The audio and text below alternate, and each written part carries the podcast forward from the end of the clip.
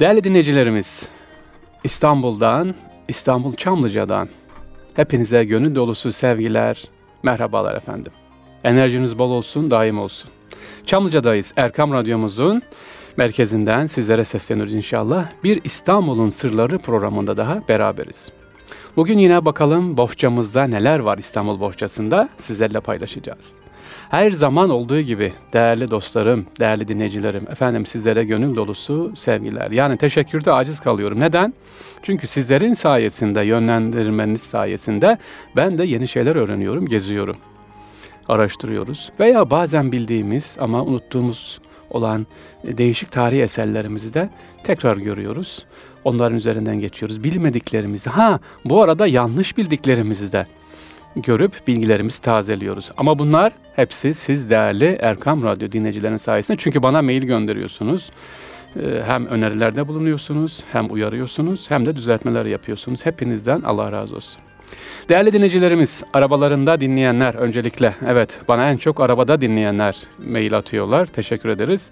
Ve evlerinde şu anda mutfağında olan değerli dinleyicilerimiz, kardeşlerimiz, gönlünüz hoş olsun efendim. İstanbul'un sırları başlıyor. Bakalım sırlarımızda neler var.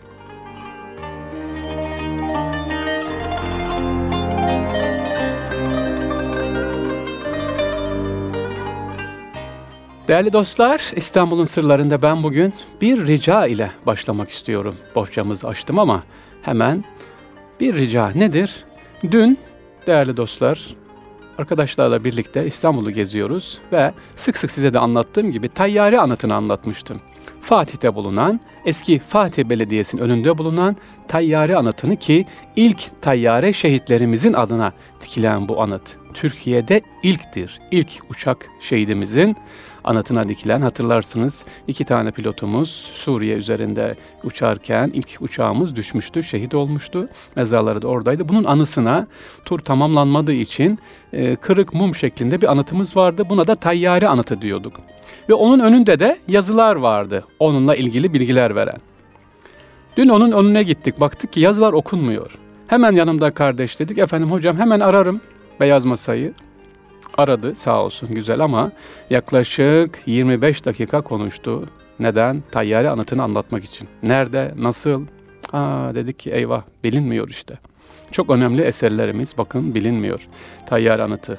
İşte dedik belediyenin önünde Fatih'te itfaiye durağının karşısında nihayet anlaştık ve o yazılar değişecek. Sizlerden ricam nedir değerli dostlarım? Gördüğünüz İstanbul'da gördüğünüz düzeltmeler olur, böyle güzel yazılar olur, camilerdeki kitabeler olur. Lütfen bunları bildirelim. Sağ olsun beyaz masa yetkililerimiz ilgileniyor. Fatih Belediyesi ki sur içerisinde, çoğunluk Fatih Belediyesi sınırlar içerisinde sahip çıkıyor.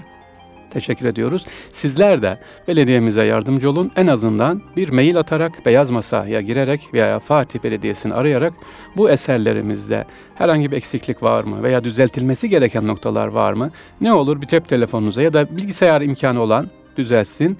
Sizler de nimel ceyş nimetine yani müjdelenmiş asker olan demek olan bu güzel nimete nail olalım inşallah hep beraber. Evet bu hatırlatmadan sonra şimdi geçiyoruz İstanbul'un sırlarına tekrar.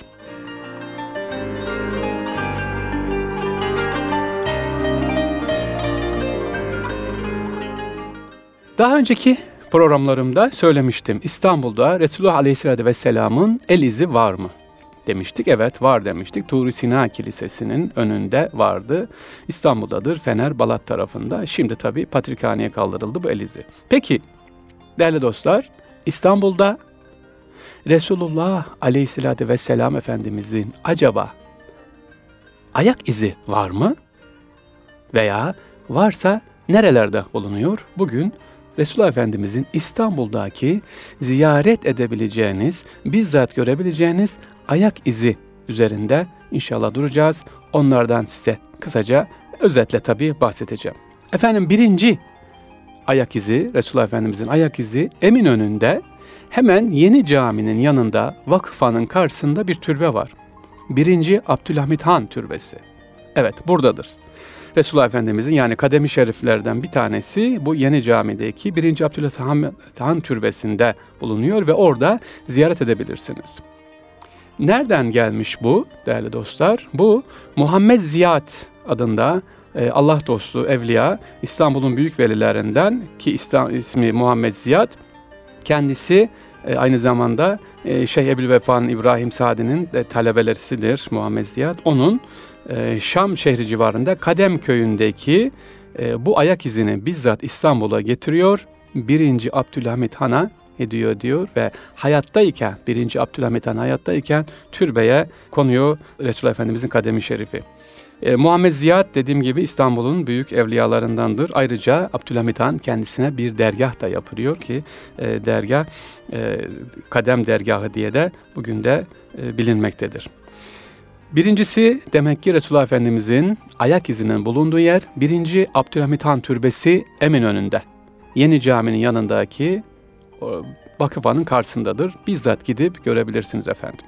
İkincisi neredeymiş? İkincisi de Laleli'ye giderken Laleli Camii'nin hemen yanında 3. Mustafa Han Türbesi, başka bir e, diğer kademi şerif Lale Camii'nin yanındaki 3. Mustafa Han Türbesi'nin içerisinde bulunur dostlarımız. Burayı da, türbeyi de ziyaret edebilir. Efendimizin o mübarek kademi şerifini görebilirsiniz. Üçüncüsü nerededir? Üçüncü bir kademi şerifimiz var ki bunlar halka açık bizzat gidip görebilirsiniz, ziyaret edebilirsiniz. Eyüp Sultan Türbesi. Gidenleriniz vardır, biliyordur. Eyüp Sultan Türbesi'ne gittiğiniz zaman Kademi Şerif'in bulunduğu diğer bir yerimiz Eyüp Sultan Türbesi'dir ki bu yoğun bir ziyaret akışta vardır.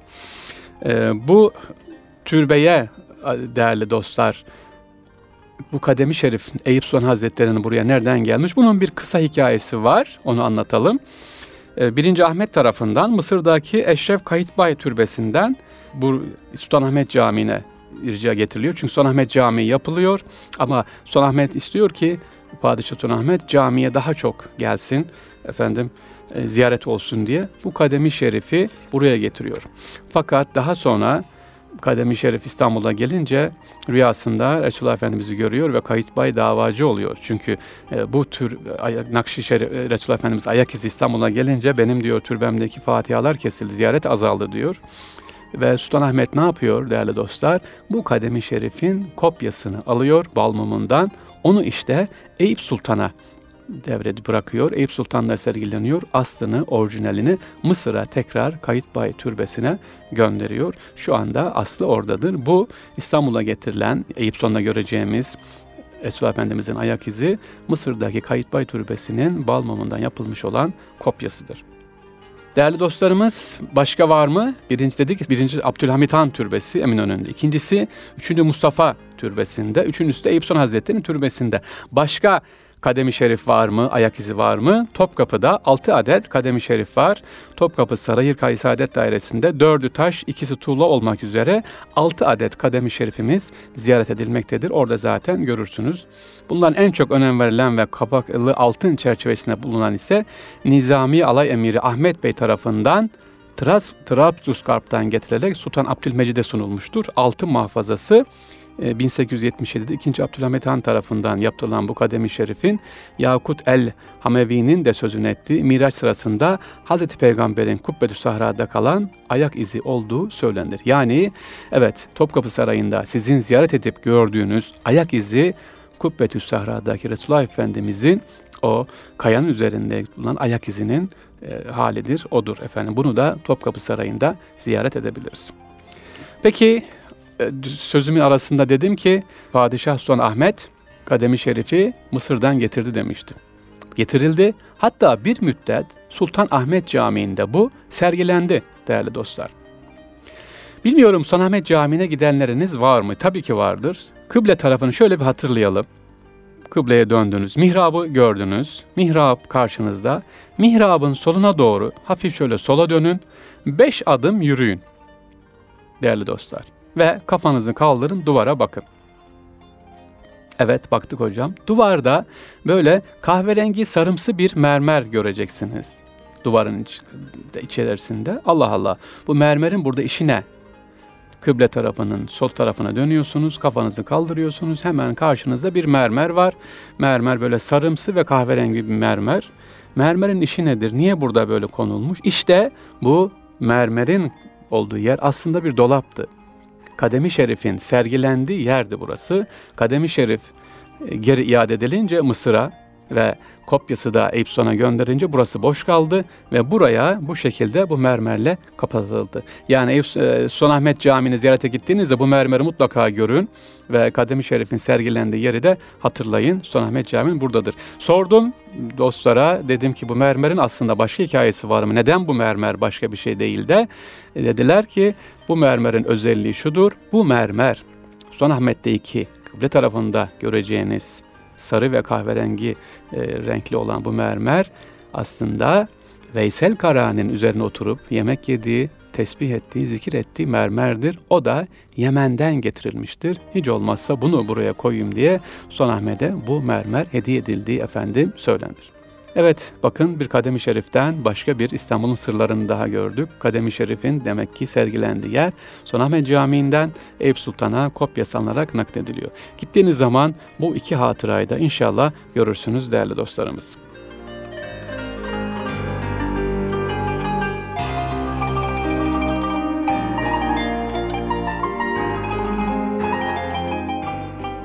Geliyoruz başka bir İstanbul'un sırlarına. Bohçamızı açıyoruz. Bakalım neler var. İkinci olarak bohçamızda İstanbul'un sırlarında Nusretiye Camii var efendim. Karaköy'deki Nusretiye Camii. ikinci Mahmud'un yaptırmış olduğu cami. Ama bu caminin tabi bir sırları, bir özelliği var. Nelermiş bakalım onlara bakalım. İstanbul'un Tophane semtine bulunan bu camimiz az önce dediğim gibi padişah tarafından Sultan II. Mahmut tarafından yaptırılan Nusretiye Camii veya halk arasında buna Tophane Camii de deniyor. Bu caminin yanında hemen bir tane daha özelliğimiz var. Tophane Saat Kulesi'dir ki ondan da biraz sonra bahsedeceğim. Bu Nusretiye Camii'nin bulunduğu yerde aslında Arabacılar Kışlası Camii denen küçük bir cami vardı dostlar.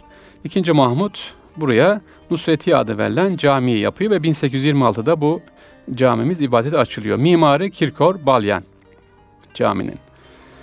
Bu caminin özelliği özellikle yapıldığı yer içerisinde ampir ve barok üslup dediğimiz etki, mimar etki altında kalıyor. Caminin içerisinde hem sebil, önünde, avlusunda hem sebil hem de muvakkıthane ki bu kelimeyi daha sonra daha geniş açıklayacağım. Muvakkıthane yani e, ezanların güneş saatinin ayarlandığı, ezan vakitten ayarlandığı e, zamanın belirlendiği muvakkıthane var ve şadırvan da var. Burası çok önemli, güzel bir camimiz. E, Nusretiye Camii. Tophane Amele veya Tophane Kışlası olarak bilinen bu Nusretiye Camimizin özellikle bir daha özelliği e, Yeniçeri Ocağı'nın kaldırılmasından sonra yapılmış olması burası. Yeniçerilere karşı zaferi e, kazandıktan sonra e, Sultan Mahmud, ikinci Mahmud dikkat ederse Mahmudiye Camii demiyor veya başka bir ad vermiyor. Nusretiye cami veriyor. Hani Vakayı Hayriye vardı ya. İşte Vakayı Hayriye'den sonra yapılan camimiz Nusretiye Camisi'dir ve Barak Torsu'na yapılmış olan farklı bir uslubu vardır. Karaköy'de ziyaret edebiliriz, görebiliriz. Hatta bu caminin açılışı nedeniyle de bir madalya yaptırılıyor. Madalyanın ön yüzünde Tuğra, ay içinde Nişan İftihar, arka yüzünde Cami Nusret 1247 yazısı bulunmaktadır. Camimiz açılıyor açılıyor ama bir özelliği var bu Nusretiye Camii'nin. Açıldıktan sonra minarelerin yeniden yapılması söz konusu. Evet, Nusretiye Camii'nin minareleri yapıldıktan sonra tekrar yıkılıyor efendim. Değişiyor. Neden? 1826 e, günü açılış töreninde 2. Mahmut deniz yoluyla geliyor.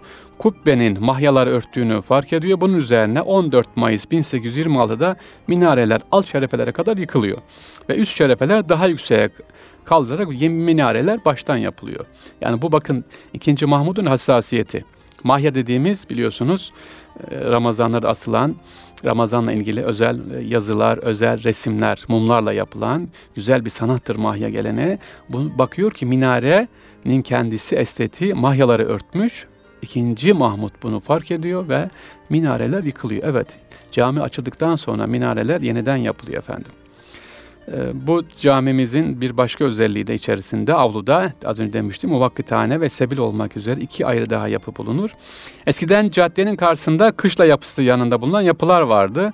Bugün o yapıları göremiyoruz. Sonradan taşınıyor. Caminin mimarisi ve dış süslemesine uygun biçimde tam önüne 2. Abdülhamit Han tarafından 1901'de İtalyan mimar tarafından bir çeşme yapılıyor. Ee, söz konusu çeşme 1956'da yerinden sökülerek Maçka'da İstanbul Teknik Üniversitesi'nin binasının karşısına kuruluyor. Evet, şu anda Karaköy'den e, ya da e, geliyoruz Kapataş'tan Karaköy'e doğru giderken sol tarafımızda kalıyor Nusretiye Camii. Orada eskiden çeşme vardı. İkinci Abdülhamit Han yaptırıyor bunu. Ve bu e, daha sonra yol geçmesi üzerine şimdiki Demokrasi Parkı dediğimiz Maçka'daki teleferin olduğu yere bu çeşmemiz naklediliyor dostlarımız. Bu da Nusretiye Camii'nin bir başka özelliği. E, burada sözümüze başlarken dedim ki Nusretiye Camii'nin yanında bir saat kulesi var demiştim. Bu saat kulemiz özellikle neden buraya yaptırılmış, özelliği nedir? İstanbul'da yapılan saat kulelerini anlatacağım birazdan. Sultan Abdülmecit tarafından yaptırılıyor saat kuleleri. Rivayet odur ki anlatılır efendim denetimde böyle teptil mekan gez, teptil kıyafet gezerken padişah e, mahkemelerin geç başladığını görüyor. Neden böyle geç başlıyor diyor kadılara. Efendim saatimiz yok bilemiyoruz diyor. Bunun üzerine Tophane'ye işte o meşhur Tophane Saat Kulesi yaptırılıyor. Abdülmecit tarafından efendim. Tophane Saat Kulesi Nusretiye Camii'nin hemen yanındadır. Başka bir adıyla da Nusretiye Saat Kulesi adıyla bilinir. Bu İstanbul'da ayakta kalan en eski saat kulesidir dostlar. Üzülerek söylüyorum maalesef bugün Karaköy'den geçerken ya da Nusretiye Camii'ne gelirken bu saat kulemiz maalesef yeni yapılan binalardan ve yanındaki binalardan dolayı arkada kalmış, adeta unutulmuş, itilmiş bir şekilde kenarda durmaktadır. Gönül istiyor ki ortaya çıksın. Şu anda ziyaret etmek isteseniz bile izinle giriyorsunuz çünkü başka bir mülkün içerisinde. Ee, de, tekrar ediyorum İstanbul'un en eski saat kulelerinden bir tanesidir. Nusretiye Saat Kulesi veya da Tophane Saat Kulesi ama e, çok da güzel mimari özelliği vardır. Sadece uzaktan böyle ya da tramvaydan giderken e, 5-6 saniyede görebiliyorsunuz o kadar. Saat kulesinin özelliği bu ilk saat kulemizin özelliği. Dört cephesi birbirine eş olarak tasarlanan kulenin denize bakan cephesinde de e, Sultan Abdülmecid'in tuğrası vardır. Diğer bir saat kulemiz ise Dolmabahçe Sarayı Saltanat Kapısı ile Bezmi Alem Valide Sultan Camii arasındaki e, saat kulemizdir. Bu da 1890 yılında başlanmış, 1894'te ya 4 yıl sürmüştür. Şimdi bakın hocam diyeceksiniz ki ya aslı astarı bir saat kulesi değil mi bir tane? Allah Allah koca cami yapıyoruz biz 4 yılda da bir saat kulesi nasıl 4 yıl? Evet Dolmabahçe Camii'nin önündeki o saat kulemiz 4 yılda tamamlanıyor. Ee, yaklaşık 50 yıl sonra ise 2. Abdülhamit Han'ın emriyle yapılıyor bu. Valide Sultan Camii'nin yanındaki e, saat kulemiz efendim. Sultan Abdülaziz'in tahtı olduğu sırada 1861-76'da yaptırmaya başladı. Aziye Camisi yani bugün Sivis Otel'in olduğu yerdeki Abdülaziz'in tahttan indirilmesiyle yarım kalır. Ee, söz konusu camiden geriye kalan taşlar daha sonra Dolmabahçe Saat Kulesi'nin inşasında kullanılıyor efendim. Aziye Camii'nden bahsetmişimize daha önce. Bugün Sivis Otel'in olduğu yer ya da hemen Maşka'daki yer otel var. Orası eskiden Aziye Camii'ydi. Oradaki taşlar bu Dolmabahçe Camii'nin önündeki saat kulesinde kullanılıyor. Bu saat kulemizde barok ve ampir özellikleri taşır. Özellikle başka bir saat kulemiz var yine. 2. Abdülhamit Han tarafından yapılan Yıldız Sarayı Saat Kulesi de etkileyici bir özelliğine sahiptir. Yapım yılı 1892. Yaklaşık 20 metre yüksekliğe ulaşan e, bu saat kulemiz Yıldız Sarayı'nın önüne girerken görürsünüz. Bugün de hala hatta Yıldız Camii'nin önündedir. Görebilirsiniz. Kule aşağıdan yukarıya doğru incelerek yükseliyor değerli dostlar. İstanbul'daki öteki iki saat kulesi ise yıllardır gözden uzak kalarak terk edilmiş olan e, Şişli Eftal Hastanesi e, önünde de bulunan orada bir yine saat kulemiz vardır. Bu e, Sultan Abdülhamit tarafından yaptırılan Tophane Saat Kulesi'nin mimarını e, demiştim Balyan kardeşler yaptırmıştı burası. E, bu uzunluğu ise 15 metreye boyundadır efendim. Şişli Eftel Hastanesi'ndeki bulunan Saat Kulesi de yani çocuk hastanesindeki 2. Abdülhamit Han yaptırıyor 1897. E, Dikkat ederseniz İstanbul'daki saat kulelerimizin Abdülmecit ve Abdülhamit Han tarafından yaptırılıyor. En fazla saat kulesi yaptıran, saate önemi veren 2. Abdülhamit Han değerli dostlar. Şimdi ilginç bir bilgi daha sizinle paylaşacağız. Nedir? Fatih Sultan Mehmet Han'ın hocası. Hocam geçen haftaki programda anlatmıştık. Evet anlaşmıştık. Molla Gürani, Molla Fenari demiştim değil mi?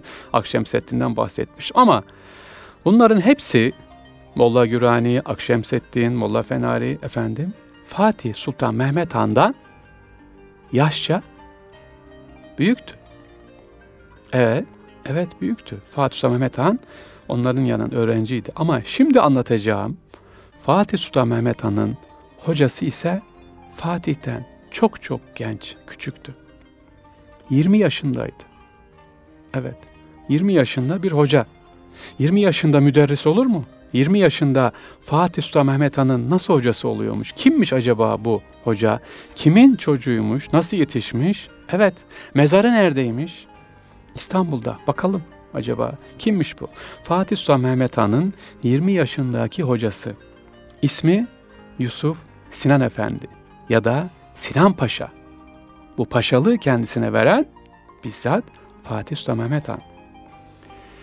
Hace-i Sultani diye geçer yani padişahın hocası. Osmanlı Devleti'nde biliyorsunuz padişah e, alimlere, hocalara çok önem veriliyor. Bunun birçok örneğini biliyoruz. E, önemli hocalardan iler bizliğimiz tabi yaşça ileri olanlar çok büyük ama bugün size bahsedeceğim bu hoca çok genç bir hoca. E, şöyle düşünün 20 yaşlarda bir hoca düşünün ve padişah Fatih Sultan Mehmet Han o yaşlarda kendisi de yaklaşık 30-32 yaşlarında 12 yaş kendisinden küçük. Fatih Sultan Mehmet Han'ın hocası Sinan Paşa Osmanlı Devleti yükseliş döneminin en önemli alim ve devlet adamlarından biri oluyor. 20 yaşında. Ama ne demiştik? Bana bir harf öğretenin 40 yıl köresi olurum dedik ya. İşte Fatih hiç fark etmiyor. Yeter ki bana öğretsin, bilim olsun, yaş önemli değil. 1453 ee, senesinde İstanbul'a ilk kadısı kimdi değerli dostlar? Hızır Bey. Yani padişahın, İstanbul'un ilk kadısı, ilk belediye başkanı, e, padişahın da aynı zamanda dostu, yakını. İşte Sinan Paşa Hızır Bey'in oğludur. Asıl ismi Yusuf'tur. Lakabı Sinanettin şekliyle bilinmiş ardından da yalnızca Sinan ismiyle şöhret buluyor. Şöyle diyor Fatih, alemin oğlu da yarım alimdir. Sözü gereğince kendisinde okumaya dair muazzam bir kabiliyet var ve kendisi de küçük yaşın itibaren babası gibi yetiştiriyor. Annesi Fatih Mehmet Han, bir diğer hocası efendim e, Molla Yegani'nin kızı. Fatih'in başta akşam setin olmak üzere biliyorsunuz Molla Hüsrev, Molla Yegani ayrıca yabancı dil ve Avrupa tarihi öğrendiği e, yine e, yabancı mürebbileri, hocaları var bunlarda. Ama bu özellikle Yusuf dediğimiz Yusuf Sinan Paşa kimmiş bakalım? Dediğimiz Hızır Bey'in oğlu. Fatih İstanbul'un fethinin ardından yaptırdığı sahne sema medreselerinde e, birçok fakülteye de içerisinde bağlantı yapıyor. Bu medrese içerisinde özellikle Yusuf Sinanettin çok küçük yaşta e, kendisini okumaya veriyor. 20'li yaşlarda ulaştığında medresede talep okutacak seviyeye kadar ulaşıyor Yusuf Sinan Paşa.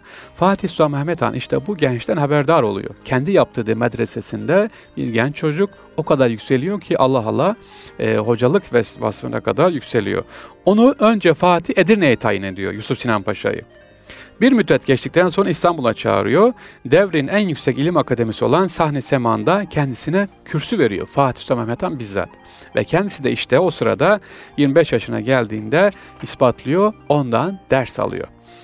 Ee, Fatih kendisine yaşça küçük olan bu genci hocalar arasına dahil etmeye karar verir ve sohbetinden de istifade etmeye başlar Sinan Paşa'da.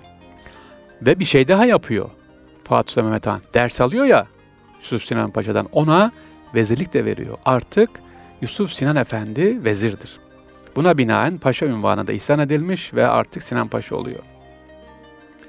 E, fakat onu bu payeden, rütbeden daha çok memnun eden bir konu nedir? Yusuf Sinan Paşa'yı mutlu eden Hace-i Sultani yani padişahın hocası olması ünvanıdır. Bundan dolayı Sinan Paşa hem hoca hem de vezir olma sebebiyle kendisine Hoca Paşa adı veriliyor.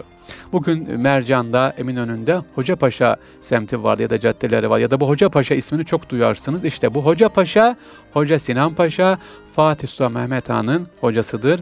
İstanbul'un ilk belediye başkanı Hızır Bey'in de oğludur efendim. Bakın Fatih Sultan Mehmet Han e, meşhur kanunnamesi ne diyor? Hace-i Sultani ünvanına sahip olanların birçok vezirden rütbe olarak üstün olduğu ve bayram tebriklerinde padişahın hocalar için bizzat ayağa kalkmaların şart olduğu belirtilmektedir. Bu açıdan düşündüğümüzde 20'li yaşlarda olan böyle bir zatın kendisine yaşça büyük ve İstanbul'u fetheden dünyanın dikkatlerini üzerine çekmiş olan haşmetli hükümdar Fatih'ten ne kadar hürmet gördüğünü hep beraber ne yapmış olduk? Öğrenmiş olduk. Demek ki Fatih Sömhetan ne diyor bu kanunnamesinde? Hocaları için bizzat padişahlar ayağa kalkıyor. Bunu kanunnameye yazmış Fatih Sömhetan. Benim hocamsa yaşı önemli değil ben ayağa kalkarım diyor ve diğer padişahlar için de aynı şekilde bu şekilde ne yapıyor? Kanunname ekliyor ki sizler de kalkın diye. İşte Osmanlı Devleti'nin 6 asır boyunca dostlarım ayakta tutan en mühim faktörlerden biri de e, bu şekilde tevazu olması ve bilgiye önem verilmesidir. Sinan Paşa'nın sahne semağında vazife yaparken ders aralarında e, kaleme aldığı Tazarruname adında da birçok eseri vardır. Türkçeyi mükemmel şekilde kullanan bu Sinan Paşa Eyüp Sultan'dadır mezar efendim. Allah kendisine rahmet etsin. Efendim ruhu şad olsun. Bir hocamızı gördük. Fatih Sömhetan'ın hocası kendinden yaşça küçük. Paşa ünvanını almış ve padişah bizzat e, ne yapmış? Ayağa kalkmış. Evet. ilim ne kadar önemli. İnşallah e, bizler de bu şekilde efendim istifade etmeyi Allah bize nasip etsin. Bu tür bilgileri öğrenmeyi, bunları ilgilen kullanmayı, halletmeyi Allah Celle Celaluhu bizlere nasip etsin değerli dostlar. Vaktiniz olursa dediğim gibi Sinan Paşa, Eyüp Sultan'dadır mezarı. E, Hoca Sinan Paşa inşallah ziyaret edersiniz efendim.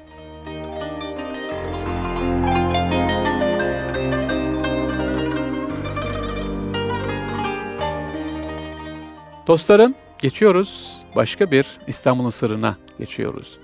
Hikayesi hepinizce maruftur, bilinirdir ama bir gün bugün biz sizlere tekrarlayacağız bu programımızda. Nedir? Şimdi sırada Laleli Camii var. Evet, Laleli Camii. Laleli Camii deyince İstanbul'dan Beyazıt'tan aşağı doğru iniyorsunuz Aksaray'a doğru sağdaki bir camidir. Ya da Aksaray'dan Beyazıt'a doğru çıkacak, Sultanahmet'e doğru gideceksiniz. Sol tarafta tramvay Laleli istasyonun hemen yanındadır. Laleli Camii'nin bir özelliği, mimari özelliği Oradaki değerli dostum e, oranın uzun dönem İmam Hatipliğini yapmış olan Selman hocamız anlatmış, Doktor Selman hocamız demişti ki e, Laleli Camii adeta bana Osmanlı İmparatorluğu'nun efendim son dönemini anlatıyor. İçerisine giriyorsunuz dostlarım. Camimiz çok büyük Laleli Camii, avlusu. Kenarında aşevi var, hamamı var. O dönemde tabii mektepleri var. Büyük bir külliye. Biraz daha içeri iç avluya geçtiğiniz zaman daralıyor şadırvan tarafına geçiyorsunuz biraz daha daralıyor. Caminin içerisine girdiğiniz zaman o koca külliyeden bekliyorsunuz ki içeride böyle bir yani bir Süleymaniye göreyim ne bileyim e, bir hiç olmasa Nur Osmaniye göreyim dediğiniz zaman aa bakıyorsunuz ki sanki Laleli Cami küçük bir böyle e, cami havasına bürünüyor.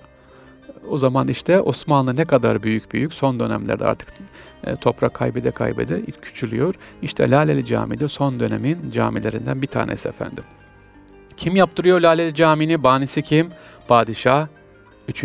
Mustafa ki ilk programda söylemiştim. Kademi Şerif'in türbesinde olan padişahtır. Türbesi de hemen yanındadır caminin yanında. 3. Selim'le beraberdir. Laleli Cami 1760-63 yıllar arasında yapılıyor. Ee, aslında caminin adı değerli dostlar 3. Mustafa'nın e, adıyla yapılması lazım ama 3. Mustafa sistemkar ediyor. Diyor ki ah diyor bir cami yaptırdım diyor bir veli aldı bir cami yaptırdım diyor efendim. Su aldı diyor. Su aldı dediği efendim Ayazma Camii'dir üstler tarafındaki. Aslında onu da yaptıran 3. Mustafa'dır. Kendisi yaptırmasına rağmen hiç kimse 3. Mustafa Camii diye bilmez ya da Mustafa Camii diye söylenmez. E, nedir? Laleli Camii, Ayazma Camii. Böyle de bir efendim sistemi vardır. Ah diyor yaptırdık. Efendim birine diyor Laleli Baba aldı diyor. Birini de su aldı dediği Ayazma Camii'dir. Caminin mimarı Mimar e, Mehmet Tahir Ağa'dır. Ancak dönemin baş mimarı Hacı Ahmet Ağa'nın e, cami inşasına katkıda olmuştur. Şimdi neden Laleli Cami? Evet hadi onu da anlatalım. Hikayesini biliyorsunuz ama e, bilinen hepimizin bildiği hikaye şöyle. Laleli Camii'ni yapılırken 3. Mustafa zaman zaman ziyarete geliyor. Bakıyor caminin yapılışı nasıl gidiyor diye. O esnada diyorlar ki efendim burada bir zat var. Halk çok seviyor. Allah dostu ismi Laleli Baba diye bilinir kendisi. Onunla tanışıyor, bakıyor, işte sohbet ediyor. Ben de tanışayım diyor. O da bakıyor ki Laleli Baba işçilere yardım ediyor, çay pişiriyor, ikram ediyor. O da caminin yapılmasında e, bir şeyler yapıyor, boş durmuyor. Tanışıyor. Tabii sohbet ilerleyince padişah bir şey soruyor kendisinde. Diyor ki insanların diyor dünyada en çok rahatladığı, huzur bulduğu şey nedir diyor. Ne beklersiniz Laleli Baba'dan? Ne diyor? Sultanım diyor, insanın diyor en rahatladığı, en güzel şeyi diyor defi hacetidir diyor. Defi hacetinin giderilmesidir diyor. Karşımızdaki padişah 3. Mustafa e, bir Allah dostu da böyle diyor. Yekten diyor ki bir hacetin giderilmesi. Yani tuvalete gitmesi diyor. Tuvaletteki rahatlık diyor. E padişah bunu biraz tabi bozuluyor. Yani böyle evliyadan bir böyle söz beklenir mi? Biraz daha farklı bir şey bekliyor belki. Demiyor da içine atıyor gidiyor saraya dönüyor ama saraya dönünce de 3. Mustafa ne yapıyor? Birkaç gün dışarı çıkamıyor. Lavmanlar işte ilaçlar yok padişahın karnı şişiyor rahatsızlanıyor bağırsaklarından dışarı çıkamıyor. Aman efendim hatırlıyor ben ne yaptım diyor. Rica ediyor Lalel Baba'dan. Efendim ne o da diyor ki e, saltanatınızı verir misiniz diyor. Bir. İkincisi camiyi de isterim diyor. Hikaye bu tabi. O kadar durdurma gelmiş ki padişah. Ne saltanatı ne camisi al hepsi olsun rahatlayın. Ve tabi şifa buluyor, rahatlıyor. Sultanım diyor, ne yapayım diyor. Bir diyor rahatlama uğruna diyor. Bir saltanat gidiyorsa bana ne öyle saltanattan diyor. Bana öyle tahttan diyor vazgeçiyor. Tabii bu halk hikayesi biline bile anlatıla anlatıla camimizin ismi ne oluyor? Laleli Cami oluyor. Eskiden değerli dostlar Laleli Baba'nın türbesi oradaydı. Şimdi yol geçtikten sonra oradan kaldırıldı. İleride 18 Sekbanlar diye bir camimiz var. Oraya yakın bir yere defnedildi. Evet buradan tabii çıkaracağımız dersler var. Gerçekten de dünyada sıhhat önemli, afiyet önemli. Saltanat dediğimiz şey nedir? Allah hepimize, tüm dostlarımıza sıhhat, afiyet nasip eylesin efendim. Laleli Camimizin e, başka bir özelliği de nedir? Özellikle içerisinde e, bulunan tezinatı çok önemlidir. Külliyesi çok önemli. Gittiğimiz zaman göreceksiniz. E, çok güzel dizayn edilmiş, yapılmış bir cami. Es tarafında hala bugün de faal olan aşevimiz var. Gittiğimiz zaman Laleli Camii'ni lütfen ziyaret edelim, gezelim. Dediğimiz gibi camiye yüksek merdivenlerine çıkıyoruz ve çıktığınız zaman camiden böyle baktığınız zaman avlusundan hemen aşağıda Kumkapı deniz tarafında görüyorsunuz. Böyle yüksekçe bir yerde tepede. İlginç, farklı bir cami, Laleli Cami efendim.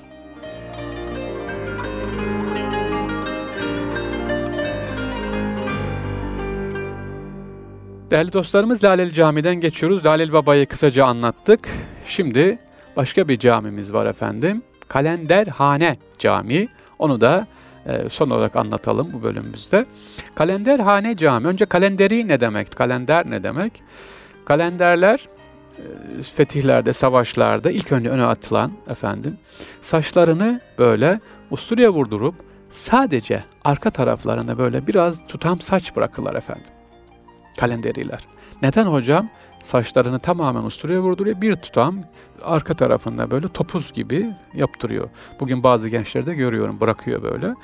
İşte bu kalenderiler neden usturaya vurup neden yapılıyorlar? Böyle kınayanların kınamasından korkmayız biz ayeti kerimesini üzerine halletmişler, onu e, yaşıyorlar ve diyorlar ki eğer ki savaş sırasında bizim boynumuz kılıçla kesilirse düşman kellemizi, kafamızı, o elini, pis elini ağzına sokarak taşımasın. Bu bir tutam arkamızdaki ensede bulunan o saçtan taşısın, tutsun diye bu şekilde e, kafaların arka tarafında bir tutam saç bırakıyorlar kalenderiler. İşte kalenderhane cami dediğimiz bugünkü Veznencilerde Süleymaniye giderken sol tarafta Veznenciler e, metro istasyonunun hemen girişindedir Kalenderhane Cami ki İstanbul'un en eski e, abidelerinden bir tanesidir. E, biraz sonra anlatacağım buranın ne olduğunu. Burayı Fatih Sultan Mehmet Han fetihten hemen sonra kalenderilere veriyor efendim. Kalenderi tarikatına veriyor. Bir tarikat, bir ekol, bir tekke olarak. E, bir eğitim yuvası olarak veriyor. Yani cami olarak değil burası. Camiye daha sonra çevriliyor. Kalender Cahane Camii'nin özelliği İstanbul'un Vefa semti dediğimiz gibi bulunan Doğu Roma döneminden kalma bir yapı burası. Bozdoğan kemerinin e, en doğu ucunun güneyinde yer alıyor. Doğu Ortodoks Kilisesi formunda yapılıyor burası. 18. yüzyılda yani 1453'te değil, ta 1800'lerde burası 1790'larda e, camiye çevriliyor. Osmanlı döneminin ilk olarak kalender tarikatına dervişler tarafından kullanıldığını bahsetmiştim. Caminin avlusunda kilisenin ilk zamanlarında yapı dahil olan ancak şimdi yıkılıp harabe haline alan duvar kalıntıları da bulunuyor. Yani bugün camimize girdiğiniz zaman Kalenderhane Camii mutlaka girip görün. Üç farklı yapı göreceksiniz. Bir tanesi ayaktadır, duruyor. Ee, iki tane yapıda kalıntıları vardır. Caminin or tam orta yerdedir Kalendere Camii. E, caminin üzerinde özellikle yapı içerisinde yer alan mermer kaplamalar göz alıcıdır içerisine girdiğimiz zaman. Camide ne göremezsiniz? Kilise dedim ama camimizin içerisinde neyi göremezsiniz? Mozaikleri göremezsiniz ya da içeride e, bu şekilde resimler göremezsiniz veya ikonalar göremezsiniz. E, bunun ilk yapısı, bulunduğu ilk orijinal yapısı Roma hamamıydı değerli dostlar. 6. Ee, yüzyıldan itibaren taş işçiliği bakımından çok güzel bir e, mimari eser yapılıyor burası. Kalenderhane Camii. Ee, daha sonra kilise e, yapılıyor ee, ve bir müddette burası özellikle 1204 ile 1260 yılı arasında burası Katolik Kilisesi olarak kullanılıyor. 4. Haç Seferi sırasında biliyorsun İstanbul işgal ediliyor. Haçlılar tarafından Latin İmparatorluğu kuruluyor. O dönem içerisinde burası Katolik Kilisesi olarak kullanılıyor. Ta ki 1453 yılına kadar, 1453 yılından sonra da Fatih Mehmet Han burayı e, kalenderi tarikatına veriyor. Camimiz daha sonra birçok tadilattan ve restorasyondan geçiyor harap haldeyken şu anda elhamdülillah içerisine gizli namaz, ibadet yapılabiliyor, kıl, namaz kılınabiliyor. Mutlaka buraya gidip e, görmemizde fayda var efendim. Dediğim gibi e, kalenderilik ve özellikle kalenderlik ne demektir? Hoca Ahmet Yesevi'den efendim itibaren gelen Anadolu'nun ilk tarikatlarındandır. E, Bektaşi'nin ilk kollarından, ilk ekollerinden bir tanesidir kalenderilik. E, ne demek kalenderilik onu da anlatayım programı kapatmadan önce.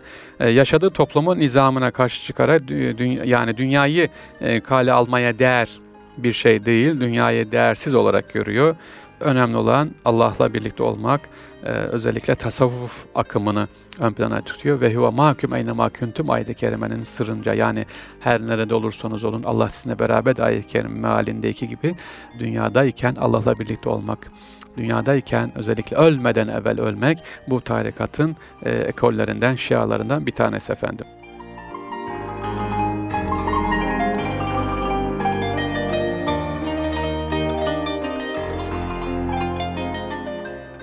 Evet değerli dostlar, bugünkü e, programımız, İstanbul'un Sırları programımız burada sona eriyor. Bugün dediğim gibi neler öğrendik? Öncelikle e, Resulullah Efendimizin ayak izini öğrendik, nerede bulunduğundan bahsettik. İstanbul'da Nusretiye Camimizden bahsettik.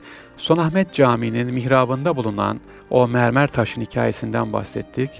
Kalenderhane Camimizden bahsettik efendim. Mutlaka gidip görelim diye. Burayı da tavsiye ediyorum sizlere. Ee, İstanbul'un önemli eserlerinden bir tanesi ve Laleli Baba, Laleli Camii'nden bahsettik inşallah. Değerli dostlar, haftaya başka bir programımızda, İstanbul Sırları programında yine sizlerle birlikte olacağız. Bakalım neler var, neler göreceğiz. Bizden ayrılmadınız, bizi dinlediğiniz için teşekkür ediyorum. Sizlerden dua bekliyoruz. Bizler de sizlere inşallah dua ediyoruz. Allah öncelikle devletimize, milletimize zeval vermesin. İnşallah e, daha güzel günler bizlere lütfeylesin, ihsan etsin efendim. Hepinize gönül dolusu sevgiler, saygılar. Hoşça kalın.